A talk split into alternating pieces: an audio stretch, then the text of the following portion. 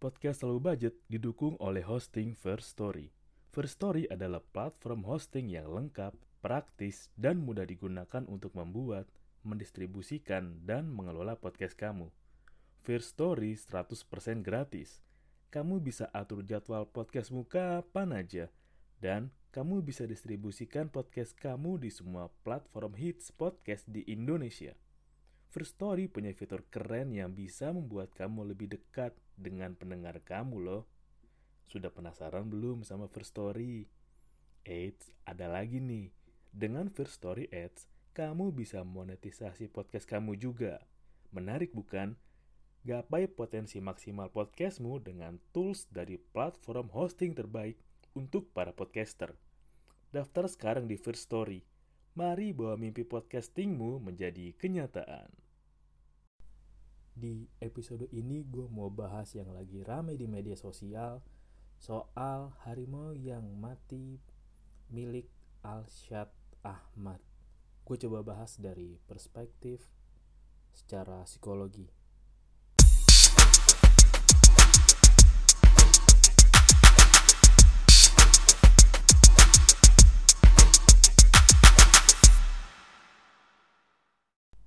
Selamat datang di Siniar Low Budget Gak harus mahal untuk nikmatin hidup barengan gue Doni Wijaksono. Gue mau ngebahas yang lagi rame juga di Twitter beberapa hari dan beberapa minggu ini Soal harimau yang mati milik selebgram ya Alshad Ahmad. Gue mau ringkas sih Ini gue lihat di akun tweet punya jejak digital at arsip aja ini di post 29 Juli 2023. Captionnya sih lo yang salah, lo yang galak. Jadi ada empat gambar di sini. Yang pertama ya jawab post.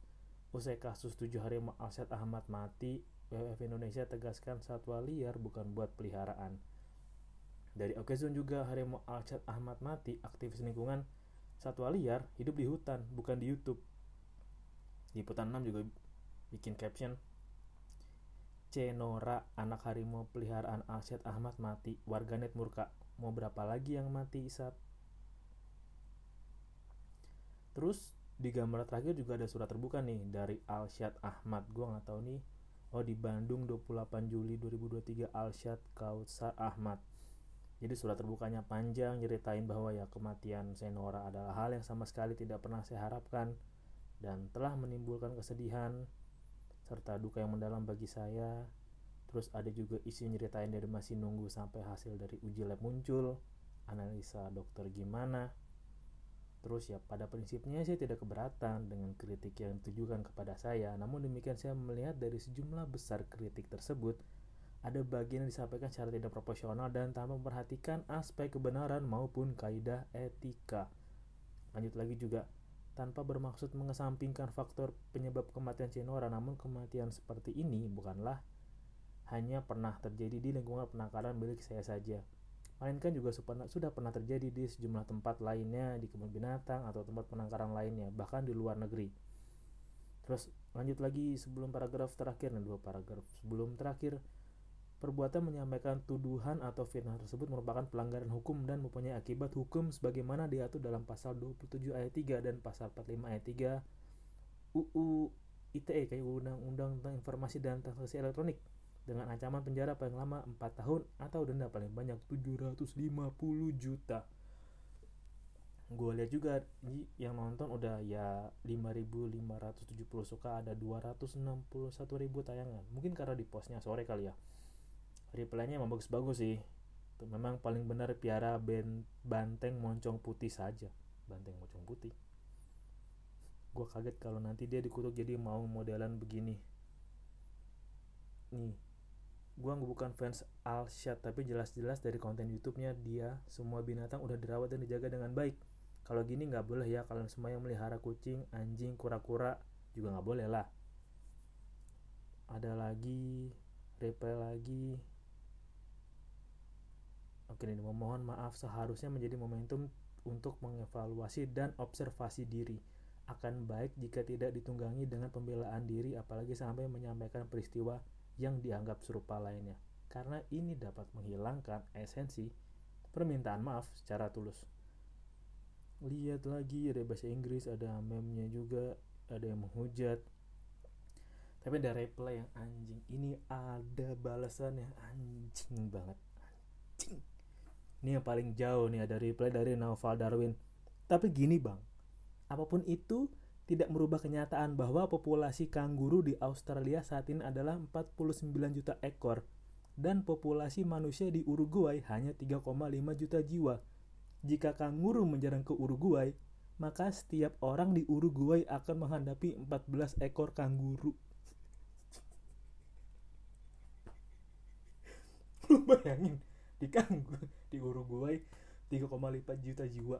Kedatangan 49 juta kanguru datang nih invasi. Tet tet tet. Kanguru datang gitu kan bawa perlengkapan pakai tas pakai rompi anti peluru pakai helm. Datang ke Uruguay invasi. Woi Uruguay menyerah lu. Gua dari asosiasi kanguru Australia akan menginvasi negara kalian. Terus setiap penduduk Uruguay setiap warganya harus ngelawan 14 ekor kanguru anjing anjing? Gue bayangin gue gue lawan 12 ekor kanguru kanggurunya kanguru jack lagi yang bisa tinju. Anjing dari dari bocah kecil sampai lansia di Uruguay harus lawan 14 ekor kanguru kan tahi banget ya. Tahi banget. Dan bangsatnya tadi gue setelah gue riset nih anjing nih orang apaan sih pas gue riset? Bener coy. Bener. Pada 2021 tuh masyarakat Uruguay 3,4 juta jiwa 3,4 sekian lah 21 ribu gitulah. Populasi kanguru di Australia bukan 49 juta guys. 50 juta. Anjing. Jadi di Australia kalau lo ke Australia nemuin kanguru mungkin ya lagi belanja di supermarket. Tuh tuh tuh tuh ketemu kanguru Hey bos yuk yuk. Mungkin kanguru tiap hari belanja susu mungkin di supermarket Australia atau mungkin ada kanguru yang jadi ojol mungkin kayak Tintin yuk ngirim barang bos Maklum bos, susu buat anak mahal bos. Belum juga nih biaya sekolahnya bos. Aduh di Australia susah bos, dapat subsidi buat pendidikan kanguru bos. Anjing, anjing aneh banget. Gue bayangin kalau di Australia anjir gue tiap di jalan ketemu kanguru lagi motoran gitu lagi kayak ngantar Shopee Food atau Grab Food anjing. Saking banyak 50 juta banyak banget coy. Anjing tuh yang bikin komen anjing. Cubet anjing. Gue gak mau gue gak mau ketawa sendirian. Lagi lagi pula lu ngapain ngitungin jumlah penduduk Uruguay bandingin sama kanguru emang kanguru mau menginvasi ke Uruguay? Emang kanguru mau dapetin Luis Suarez apa? Tai banget anjing anjing emang. Anjing, emang. Anjing emang Uruguay punya dendam apa sama Suarez anjing? Ya emang sih Suarez dibilang giginya kan lucu kayak ya kelinci dan tapi kan ngapain kanguru anjing sosialisasi eh, menginvasi ke Uruguay? Tai banget tai banget nah tapi gue bisa nangkep sih keresahan warganet dan tadi gue baca-baca juga artikel sebelum gue bikin episode ini gue sempat baca artikel juga. Ini ntar gue baca di IDN Times ya. Jadi kan ternyata harimau yang dipelihara Alshad itu harimau benggala. Ini gue kurang tahu deh. Enam harimau lain yang mati tapi di harimau yang terakhir nih harimau benggala. Dia gue bacain dari IDN Times. 7 fakta harimau benggala pemilik taring terbesar di keluarga kucing eksotis tapi sayang yang terancam punah ini artikel ditulis 14 November 2021 fakta pertama eh tapi gini Pertama, harimau benggala termasuk subspesies Panthera tigris tigris. Jumlahnya paling banyak berada di Asia seperti di Bhutan, Tiongkok, India, Vietnam, Nepal, Thailand, juga Indonesia. Ini fakta pertama. Termasuk harimau terbesar kedua. Ini dilansir Creation Kingdom Zoo, harimau benggala adalah spesies harimau terbesar kedua setelah harimau Siberia. Ciri khasnya tuh Bulunya warna oranye terang dengan motif garis hitam atau coklat tua, sedangkan bagian perutnya berwarna putih. Dari gambarnya iya sih, perutnya warna putih sih. Biasanya mereka bisa ditemukan di hutan lebat, rawa-rawa bakau dan hutan rimba di seluruh subkontinen India, Bangladesh, Bhutan, dan Nepal. nah, meskipun sekarang harimau benggala sekarang lebih kecil dari sebelumnya dua punya jabatan nasional. Harimau punya jabatan. Apa ya? Menteri apa gitu? Harimau benggala adalah hewan nasional India dan bahkan tercantum di uang dan perangko. Oh jabatannya berarti ketulis di uang dan perangko. Keren juga. Science ABC melansir pada April 72 dia diresmikan menjadi hewan nasional India. Anjay, keren. Nih, untuk bisa menjadi hewan nasional punya beberapa kriteria yang bisa melambangkan budaya dan warisan negara tersebut secara simbolis. Ia harus bisa menjadi simbol dari sejarah negara serta harus asli berasal dari negara tersebut. Tapi kalau memang hidupnya perlu dilindungi berdasarkan data konservasi, maka ia bisa juga jadi kandidat hewan nasional demi mempertahankan kelangsungan hidupnya. Nah, hubungan harimau benggala dengan masyarakat India sudah dimulai sejak abad ke-25 sebelum Masehi. Ia disembah oleh masyarakat para Arya sebagaimana hewan lainnya seperti burung merak dan sapi. Kedua, punya gigi taring terbesar. Kalau dari fotonya, iya gede banget sih. Itu ia punya gigi taring terbesar dari semua keluarga kucing. Panjangnya 10,16 cm. Panjang loh. Ditambah cakar yang sempurna untuk manjat pohon. Dilansir Spadental, harimau punya 16 gigi di rahang atas, 14 gigi di rahang bawah. Meskipun jumlah giginya 30, mereka bukan tipe yang mengunyah makanannya. Seperti manusia, gigi harimau pun bisa tanggal atau ompong. Itulah kenapa ada yang mencari mangsa yang lebih mudah untuk dimakan dan biasa di pemukiman warga. Ya semakin tua usianya gigi harimau akan makin kuning. Ya bahkan bisa mati akibat kondisi gigi yang buruk. Berarti emang nggak scaling kali ya kan harimau. Keempat, jumlahnya tinggal sedikit Berdasarkan data World Land Trust, di seluruh dunia jumlah harimau benggala kurang dari 2000 ekor yang tersebar di alam liar. 2000 ekor perburuan dan pertumbuhan populasi manusia faktor utama. 5. Biasa hidup soliter. Nih. Meskipun dikenal menakutkan, kebanyakan harimau benggala menghindari manusia. Tuh, meskipun dikenal menakutkan, sebenarnya kebanyakan harimau benggala menghindari manusia. Dilansir National Geographic meski tak menutup fakta bahwa beberapa menjadi pemangsa berbahaya. Tapi seringnya mereka ini sakit karena tak bisa berburu seperti biasa. Mangsa tradisionalnya seperti sapi, rusa, kambing, dan babi hutan sudah berkurang atau bahkan tak ada lagi di daerah yang ia tinggali. Hal ini bisa terjadi karena rusak atau hilangnya habitat alami akibat ulah manusia yang mengancam kehidupan satwa liar. Yang keenam, terancam perburuan ilegal ya pasti sih terancam perburuan ilegal iya baca ya harganya mahal di pedagang hewan eksotis harganya mahal berapa nih eksotis harga eksotis mulai dari 900 dolar Amerika atau setara 13 juta untuk bobcat 7.500 dolar Amerika atau sekitar 108,5 juta untuk anak harimau bahkan ocelot atau mancang tutul kurcaci bisa tembus 15.000 dolar Amerika atau setara 217 juta Nah, meskipun ada negara yang melegalkan, ada kamu penduduknya, apakah kamu akan membeli harimau benggala? Kalau gua jawabnya tidak. Karena makannya pasti mahal. Dan ini gue jadi teringat kasus ular piton sih. Jadi gue pernah lihat juga di YouTube ada seorang perempuan yang melihara ular piton. Mungkin lu udah pernah nonton perempuan ini kayak sayang banget sama ular itu diajak interaksi tiap hari diajak main gitulah diajak tidur bareng sampai usia ular yang sudah dewasa sudah gede badannya suatu saat si wanita ini ngeliat nih ular piton kenapa gua ular piton gua nggak makan makan ya? Ini nggak lapar lapar nih kayak lesu lemes diajak tidur capek gitu kan. Nah setelah ular nggak mau makan nggak lama pemiliknya yang dimakan. Jadi selama itu ular piton nggak makan untuk mendeteksi atau ya merekayasa atau mereka mungkin ngebayangin kali ya ini kalau gue mau makan dia gue perlu usaha berapa banyak dan kira-kira perlu apa gitu bikin dia jadi makanan gue lah. Sama juga kayak harimau. Ya sebaik-baiknya mereka juga mereka juga punya sisi hewan binatang buas dong. Ini gue juga baca tambahan nih BBKSDA mengatakan harimau yang dipelihara Alsat adalah harimau Benggala bukan harimau Sumatera yang dilindungi Indonesia namun demikian subspesies tersebut diklasifikasikan terancam punah oleh Organisasi Konservasi Internasional terbesar IUCN. Nih ada BBC Asad Ahmad dikecam terkait kematian anak harimau. Saya penyinta binatang. Nah, lu kalau baca dari artikel IDN tadi, lu tahu kan ada poin yang menarik. Apa itu? Mereka menghindari untuk berinteraksi dengan manusia.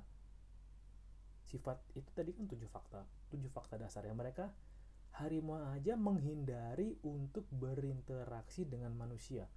Ketika harimau dipelihara oleh manusia secara fakta berarti mereka harus berinteraksi dengan manusia dong mereka dipaksa untuk berinteraksi dengan sesuatu yang memang secara alamiah mereka hindari.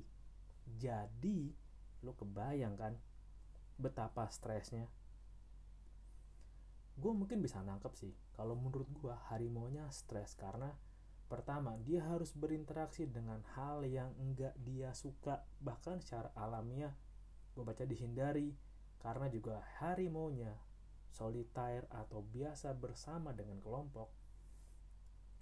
Kedua harimaunya dihilangkan naluri alamiahnya untuk berburu. Karena memang kalau tadi gue baca fakta tadi dari IDN Times kan faktanya tuh harimaunya berburu. Berburu rusa atau berburu zebra di alam liar atau berburu hewan-hewan lain mereka emang tugasnya berburu. Dan tadi soal gigi juga. Ya mungkin lu nangkap ini gak sih? Ini mungkin beda tapi ada garis tipis yang sama. Kita manusia itu nih kita itu kan enggak butuh gigi bungsu di manusia yang sekarang itu. Kita nggak butuh gigi geraham bungsu karena apa yang kita konsumsi enggak sekeras dan seberjuang masyarakat atau manusia purba zaman dulu kalau manusia zaman purba dulu giginya lengkap dan kuat karena terbiasa mengkonsumsi makanan keras jadi tekstur giginya kuat rahangnya kuat dan juga ya perlu gigi bungsu agar bisa menggigit, mencerna dan menjadikan makanan itu bisa terserap utuh ke badan kita. Kalau sekarang enggak karena banyak makanan yang diolah, makanan yang lembek, udah ada vegetarian juga. Lu bayangin itu ketika terjadi dengan hewan. Ada artikel juga yang bilang sih, harimau benggala itu kalau dia habis gigit mangsanya, dia bisa membawa mangsa itu dengan giginya sejauh 1 kilometer lu bayangin harimau bisa gigit mangsanya dan bawa mangsa itu sejauh satu kilometer gue bayangin di video National Geographic ada harimau berhasil bertarung itu kan ngejar mangsanya lari-larian lawan rusa lah kejar-kejaran lawan rusa rusanya kegigit rusanya dibawa lari sejauh satu kilometer. Untuk bawa itu kan perlu gigi yang kuat kan. Gigi yang kuat untuk bertarung. Mencengkram gigitan ketika makanannya atau hewan yang akan dia makan memberontak. Itu perlu kan perlu. Cara alamiah hewannya juga perlu menguatkan otot giginya karena ketika dipelihara secara ya tadi manusia atau dipelihara oleh perseorangan ya kan makan dikasih makannya makannya kasih makan. Ya mungkin hewan lama-lama nih asik nih makannya daging enak nih daging impor nih. Kayaknya makannya daging wagyu A5 nih dikasih susu nih. Tapi pelan-pelan kan lama-lama kalau lu secara naluriah ditakdirkan untuk berburu karena di rantai makanan lu peran lu adalah menjaga ekosistem dengan ya menjadi salah satu yang tertinggi dengan rantai makanan dan peran lu dikunci dan dibawa ke bawah sehingga naluri bertahan lu dikekang ya hewannya akan stres. Mungkin hewannya juga yang bilang dan mungkin lo akan bilang tapi kan makanannya enak bos tapi kan disayang banget bos. Dijamin banget bos. Ya lihat dulu hewannya. Sifat alami hewannya gimana? Kodrat atau wayahai hewan yang buas atau harimau kan wayahai kan di hutan wayahai di sekelas atau seperti savana atau di padang rumput. Ya kalau di perumahan emang lu kata harimaunya mau ngerjain Microsoft Word mau pakai laptop gitu atau harimaunya mau bikin konten gitu. Ya bener kata orang yang tadi bilang. Ya memang kan nasib harimau kerjaan harimau di padang rumput bukan di YouTube. Masa ada harimau? Selamat pagi guys. Berjumpa lagi dengan harimau Alshad guys. Hari ini kita akan mereview daging yang gue makan kemarin. Ada daging kalkun dan daging unta.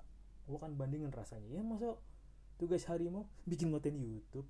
Ya tugas harimau di alam liar dong ya lu bayangin hewan dipaksa nge YouTube gue kan juga stres. Tapi kan semua difasilitasin. Tapi kok di luar negeri bisa? Kayak di orang Arab kok bisa miara singa miara beruang? Ya bentar dulu. Kita satu-satu pelan-pelan. Kalau menurut gue orang Arab bisa melihara singa atau kayak Mike Tyson piara singa karena kita nggak tahu kan dia punya tempat atau ruangan seluas apa yang bisa membuat ekosistem luar apa tuh jadi kayak singa? Punya tempat wayahnya singa hidup. Atau lu kalau tahu Kevin Richardson tuh jadi dia ada orang yang akrab banget sama singa. Aja kalau singa ketemu dia tuh singa nggak bakal gigit tapi malah singa tuh akrab. Itu keren tuh gue baru tahu juga tuh di YouTube dulu pas awal-awal.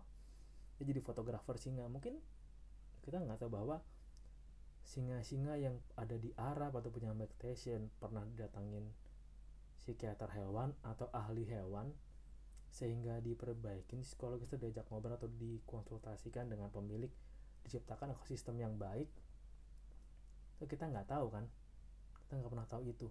Kalau beruang beruang mungkin kalau gua rasa beruang itu ada habitatnya bukan yang berburu tapi berburu beruang gua rasa. Gue inget waktu Habib ada video Habib lawan beruang. Itu video gila sih. Atau juga video yang beruang naik motor bareng orang Rusia. Udah berkendara gitu bareng motoran. Yang bonceng kiri di jalanan. Beruang nggak pakai helm nyapa nyapa warga. Gue kebayang dulu lagi jalan Rusia gitu pakai motor terus ada orang boncengin beruang beruangnya nyapa lagi mungkin nama kodrat beruang tuh bukannya oh beruang bukan hewan yang temperamental kan? Beruang juga kalau ada gua rasa beruang juga kalau lihat beruang makan salmon kan dia nunggu di pinggiran danau kan terus nunggu salmon lompat diambil dimakan. Nunggu salmon lompat diambil dimakan. Ya perbedaan cara naluri ya perbedaan tingkat di ekosistem di piramida makanan juga beda. Dan karakter hewan atau psikologi hewannya juga beda-beda. Bisa jadi memang beruang lebih mudah ditaklukkan secara psikologi atau lebih mudah dimengerti secara psikologi dibanding harimau. Kita kan nggak pernah tahu. Tapi kalau memang wayahai harimau kan ya di hutan bro. Di hutan makanya. Yang paling nyebelin dari pernyataan Alsat kan ya kan itu terjadi di kebun binatang juga atau di tempat lain juga. Di kebun binatang itu kan sebuah sistem. Ada manajemen orang terlibat banyak di sana ada latar belakangnya juga. Kalau itu juga ada peran swasta maupun pemerintah itu juga diakomodir bahwa ya mungkin penciptaan ekosistemnya juga enggak optimal enggak maksimal juga. Kayak misalkan ada hewan yang mesti tumbuh di suhu udara tertentu tapi nggak bisa dimaksimalkan harusnya ya kalau memang lu bisa menciptakan hal yang lebih baik secara psikologis secara tempatnya juga lebih baik dari hal-hal buruk yang pernah terjadi di kita kayak tempat penangkaran hewan yang masih belum baik atau binatang yang baik lu tunjukkan dan buktikan bahwa gua aja yang merawat perorangan dengan gua datangin konselor hewan mungkin atau psikiater hewan gua ciptakan lingkungan yang bagus yang siap gua periksa kesehatannya rutin.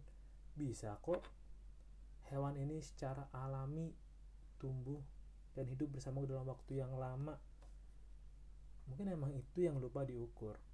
Tapi yang sangat disayangkan ya kok lu yang salah lu yang galak? Karena kalau kematian satu aja itu udah berat loh. Melihara hewan itu hal yang berat loh tanggung jawab yang berat. Karena lu mesti tanggung jawab juga sama kalau hewan kayak hewan langka gitu kan lu tanggung jawab sama banyak hal lu tanggung jawab sama pemerintah juga. Karena itu kan yang beri akses siapa kita nggak pernah tahu kan izinnya gimana pelaporannya gimana apakah dilaporkan juga kesehatannya rutin pemantauannya rutin. Dan biaya makannya juga atau ada biaya ya mungkin ada beberapa waktu sekali harimaunya dibawa ke alam lepas buat dilatih insting berburunya. Harusnya ada skala-skala gitu dan kalau memang nggak mau dituduh coba aja buktikan laporannya ke orang banyak. Ini nih gue punya harimau pertama nih. Ini laporan misalkan laporan berat badannya lah panjang badannya lah. Ini laporan mm, berat badan panjang badan. Ini dia laporan kayak pemantauan dari dokter hewannya kayak gimana kondisinya. Terus kesehatan yang secara itu mungkin ada kesehatan punya psikologi kali ya. Mungkin konselor hewan atau psikiater hewan punya skala bahwa ya ketika singa itu normal harimau itu normal dia misalkan mampu menunjukkan agresif ketika dikasih respon A atau dia bisa menunjukkan sisi bertahan ketika dikasih respon B. Harusnya bisa ditunjukkan kayak gitu kalau memang diberi optimal dengan baik kalau menurut gua. Harus ada skala pengukurannya karena hal hanya aku bisa beri makan dengan baik aku bisa beri kasih minum dengan baik tapi psikologisnya stres kan stres lah. Karena emang wayah hewannya hidup di mana dengan lingkungan gimana dan bahkan tadi gue baca di Idean Times secara alamiah aja hewannya menghindari interaksi dengan manusia tapi selama ini malah diberikan interaksi rutin dengan manusia ya gimana nggak pusing. Coba aja lo jadi harimau. Aku nggak mau ketemu manusia aku takut manusia galak-galak suka nembak tiap hari harus bekerja ketemu manusia harus beraktivitas ketemu manusia. Gimana nggak pusing. Lo kalau bertukar posisi sama harimau gue juga nggak yakin sih lo bisa tahan lama kalau memang sifat alamiah lo adalah nggak bertemu atau menghindari manusia. Itu menurut gue sih. Terima kasih sudah dengerin episode kali ini dan sampai jumpa di episode selanjutnya. Saran gue adalah jangan pernah bayangin kalau negara lu atau daerah lu atau kota lu diinvasi atau dikunjungi oleh pasukan kanguru. Bye bye.